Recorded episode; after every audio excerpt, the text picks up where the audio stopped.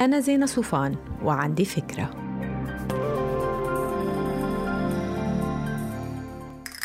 هاي.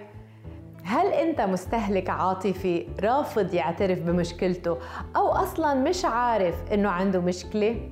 خليني أقول لك على أهم إشارات الخطر يلي لازم ننتبه لها بحالنا ويلي بتقول إذا كنا مصابين بالفعل بهيدا المرض أو لا.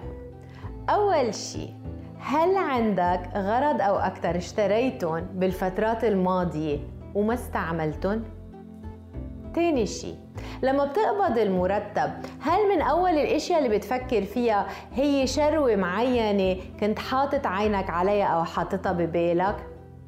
ثالث شيء هل بتحس بتأنيب الضمير بعد ما تعمل حفلة شوبينج كبيرة؟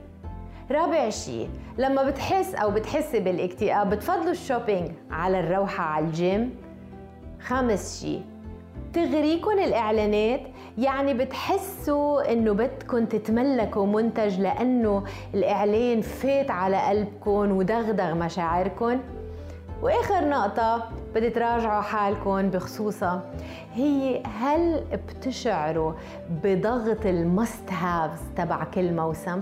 يعني إذا هلأ في موضة طاغي باللبس أو بالأكسسوار بعوينتات الشمس بتحسوا إنه لازم تكون عندكم لازم يكون عندكم منها لحتى منظركم يكون صح اجتماعيا؟ إذا أنتم فعلا بتعملوا جزء كبير من هاي الأمور أو يمكن كلها هيدا معناتها إنه أنتم متسوقين عاطفيين بامتياز. التسوق العاطفي هو سبب أساسي لتسرب المال وتضييعه وإبعادنا عن تحقيق طموحاتنا وأهدافنا بالحياة.